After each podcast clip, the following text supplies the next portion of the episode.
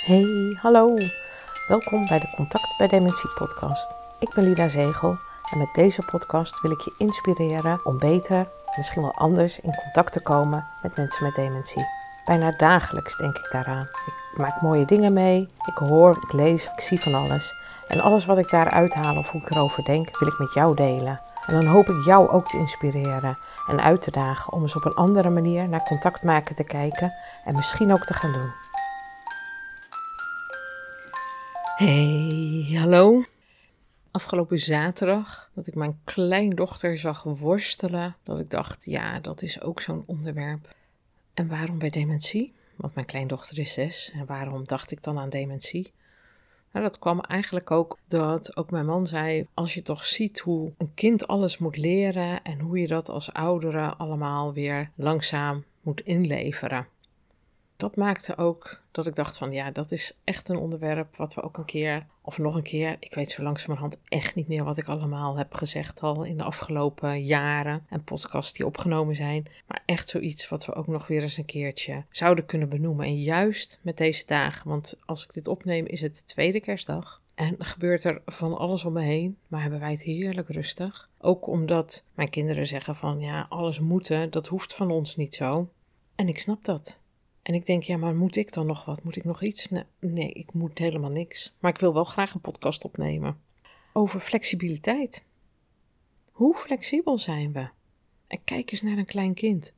We waren bij onze zoon en schoondochter met hun kinderen van 2,5 en een half. En als je dan ziet hoe flexibel zo'n babytje nog is, en hoe die met zijn benen kan bewegen, nog alle kanten op, en dat alles gewoon makkelijk beweegt. En hoe minder flexibel ben ik al als ik op de grond bij hem wil gaan zitten en wil mee gaan doen, lekker op de grond spelen.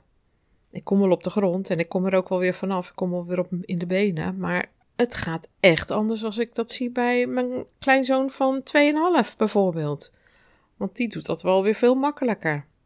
Dus zowel ons lichaam is flexibel en wordt steeds steviger door de spieren en de botten die we op een goede manier gebruiken. Maar het takelt ook weer af als we dat niet op peil houden, als we daar niks aan doen.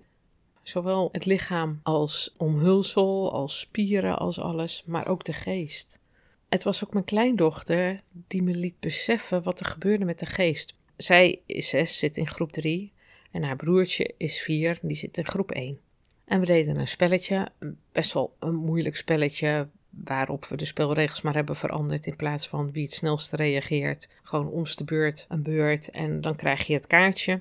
Na afloop wilden zij de kaartjes gaan tellen. En we waren samen, we dit begonnen, tenminste de kinderen en ik. En mijn man kwam er later bij zitten. Mijn man maakte één foutje, waarop we zeiden: Oké, dan mogen nu bij de kinderen, wie het eerste zegt, mag het kaartje. En dat was uiteraard die van zes, mijn kleindochter.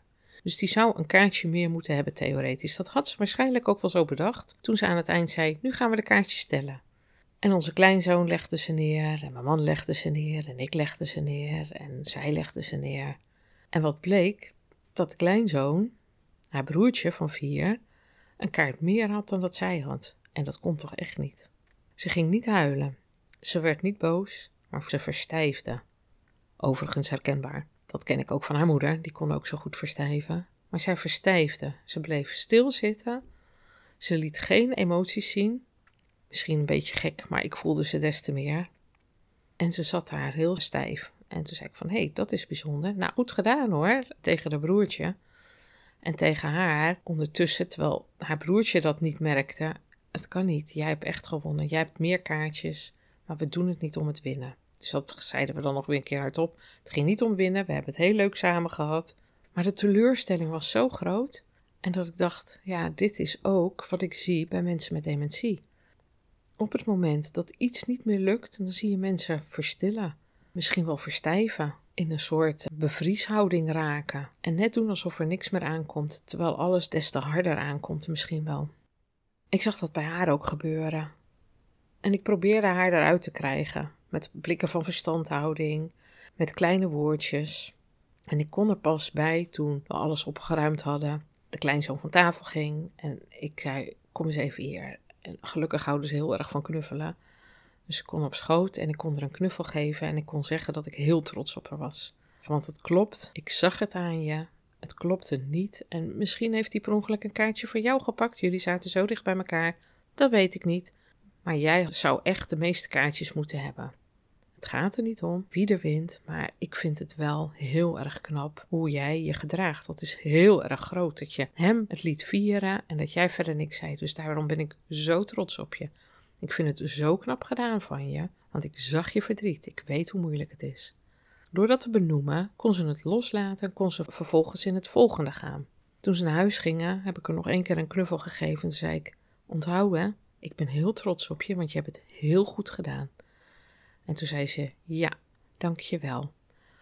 Ook al zo knap dat je gaat bedanken voor een compliment. Dat je beseft dat je een compliment krijgt en dat je daarvoor gaat bedanken. De kern van deze ervaring vind ik dus terug bij mensen met dementie. Als ik individueel bij mensen thuis kom en mensen nog maar in een beginstadium zitten, dan merk ik al wel eens dat ze net doen alsof ze iets niet horen. Of dat het niks met hun doet wat je zegt. Of in ieder geval dat ze een soort van verstijving krijgen. In plaats van dat ze het proberen goed te praten. Of een smoesje verzinnen of iets anders. En in die verstilling zit misschien wel het meeste wat je, ja, waar je op zou moeten reageren. Of waar je iets mee zou kunnen doen. Of juist waar je iets zou willen doen, in mijn geval. Want ik wil het zo graag altijd voor iedereen zo goed mogelijk voor elkaar zien te krijgen. Ik heb al geleerd dat dat allemaal niet meer lukt. Maar oh jeetje, dat heeft wel tot, tot ver in mijn twintigste geduurd voordat ik doorhad dat je het niet altijd voor iedereen even goed en naar de zin kan maken. En nog steeds moet ik daaraan wennen. En dan ben ik al bijna 60. Of in ieder geval hard op weg. Dus dat is wel iets wat in mij blijft, waardoor ik denk van, oh, ik wil zo graag dat iedereen het fijn en plezierig heeft. Dus ik probeer altijd daar een beetje bij in de buurt te komen bij die mensen waarvan ik zie, oh, die hebben het echt heel moeilijk. En wat ik eerder deed in het verpleeghuis, als je wel eens ziet dat mensen daar heel stilletjes gaan zitten ergens en gewoon echt soms letterlijk met het hoofd in de handen zitten. Daar kun je lang aan voorbij lopen, daar kun je niks aan doen, want het zijn mensen die rustig zijn. En vaak zijn er mensen die meer aandacht vragen, die ook meer aandacht krijgen. Maar juist deze stille schreeuw om hulp, om begrip, om gezien te worden, die doet altijd wel wat met mij. En misschien is dat ook wel waarom ik als Mimakker daar zo van geniet, bedenk ik me nu. Maar het zijn die stille mensen die mij dan trokken. En toen ik in het verpleeghuis werkte, ook vaak dacht: hoe kan ik hier nu aandacht aan geven? En ik weet niet waar ik het zag of las of hoorde. Dan moet ik je even schuldig blijven, maar daar werd precies hetzelfde gezegd. Dat ik dacht van, ja, dat is precies wat ik deed. En dat is dat ik dan dat constateerde en geen appel deed op deze mensen, maar er gewoon naast ging zitten. En dus proberen te ervaren, te voelen, te zien, te horen. Gewoon met al je zintuigen te begrijpen. Waar zit iemand? Waarom zit hij daar? Wat gebeurt er?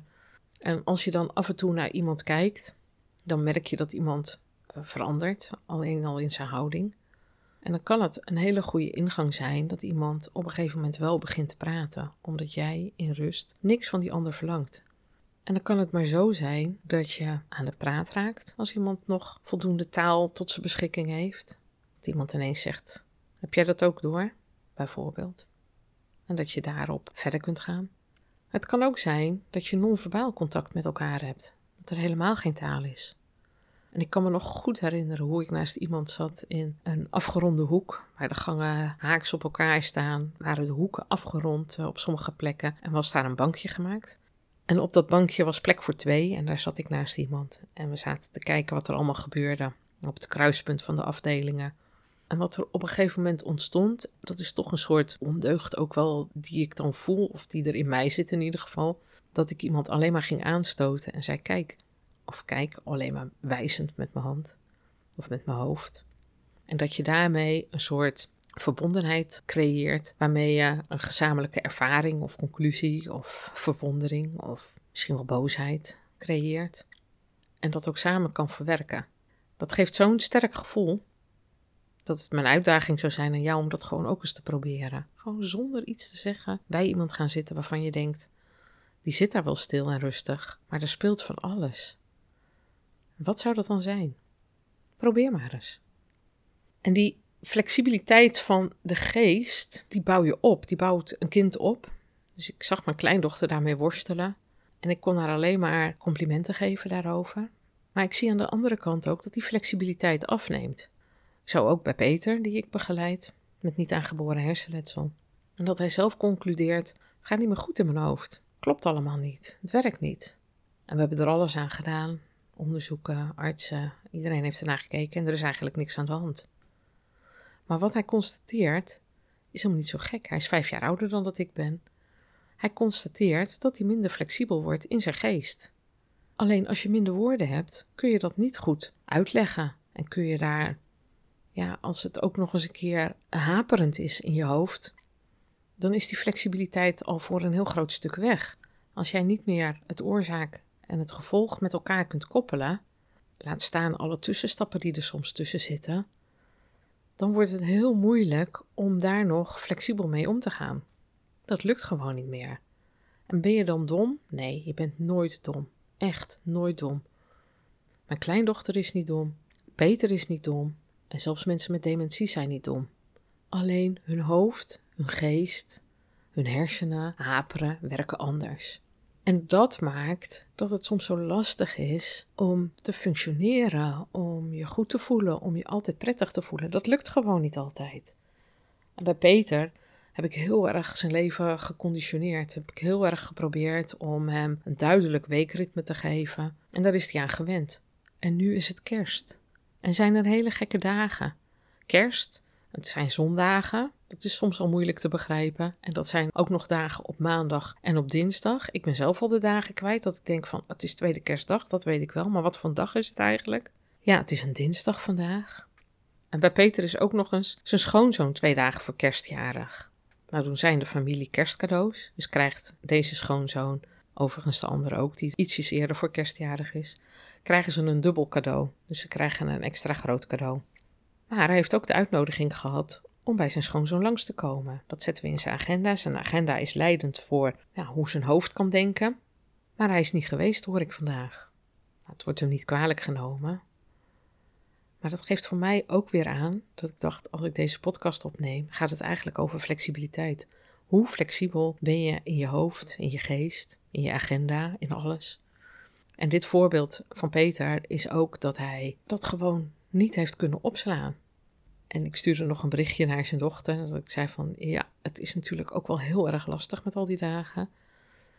Maar er is één ding wat hij heel erg leuk vindt. En dat is darten. Om darts te kijken. En toen ik donderdag voor de laatste keer bij hem was, moesten we ook darts kijken. Sorry, zei hij, want hij heeft vaak zijn televisie aanstaan. Alsof ik televisie zat te kijken. En het moest darts worden. Dus we zaten naar darten te kijken. En ik bedacht vandaag, oh ja, er zijn te veel dingen die anders zijn. En als er te veel dingen zijn die anders zijn, dan wordt het gewoon lastig om in zo'n geconditioneerd brein, waar alles loopt zoals het loopt, een ritme heeft en een bepaalde afstemming met elkaar heeft, dan wordt het heel erg moeilijk en dan kun je wel eens gaan haperen. En dat is precies wat er gebeurde. Tot zover denk ik dat ik voldoende heb gezegd over de flexibiliteit van zowel je lichaam als je geest. En op het moment dat je hersenen gaan haperen, dat die flexibiliteit in je geest alleen maar minder wordt, anders wordt. Eigenlijk omgekeerd aan wat een kind doormaakt. Een kind bouwt het op en als oudere bouw je het weer af. Ja, niet zo gek dat ik dan aan mijn moeder moet denken en dat ze zei: mensen worden kind. In zekere zin klopt dat wel. Helaas niet met de flexibiliteit van het lichaam. Het is alleen maar in de geest dat je teruggaat naar hoe het misschien ooit begonnen is. Tot zover voor deze keer. De volgende keer zitten we alweer in het nieuwe jaar. En als ik dit nu opneem, ja, nee, dan zitten we nog net in dit jaar als je dit luistert. Nou, maak er een mooie dag van. En luister je dit nog voor de jaarwisseling, wens ik je een hele goede jaarwisseling. En alle moois en goeds voor het nieuwe jaar. Maak er een mooie week van in ieder geval. Begin daar maar mee, stap voor stap. Tot de volgende keer. Daag. Ja, dat was het weer. Wat fijn dat je luisterde naar deze podcast.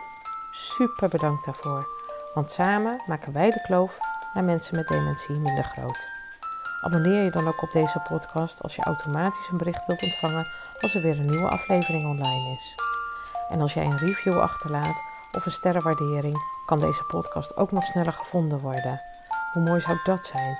En het zou nog fijner zijn als jij jouw positieve ervaringen wil delen op een van je socials, bijvoorbeeld met een schermafbeelding.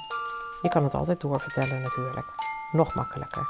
En wil je mij persoonlijk benaderen? Dat kan via mijn Facebook of Instagram pagina van Maatcontact of per mail lida.maatcontact.nl. Nogmaals, super bedankt voor het luisteren en heel graag tot de volgende keer.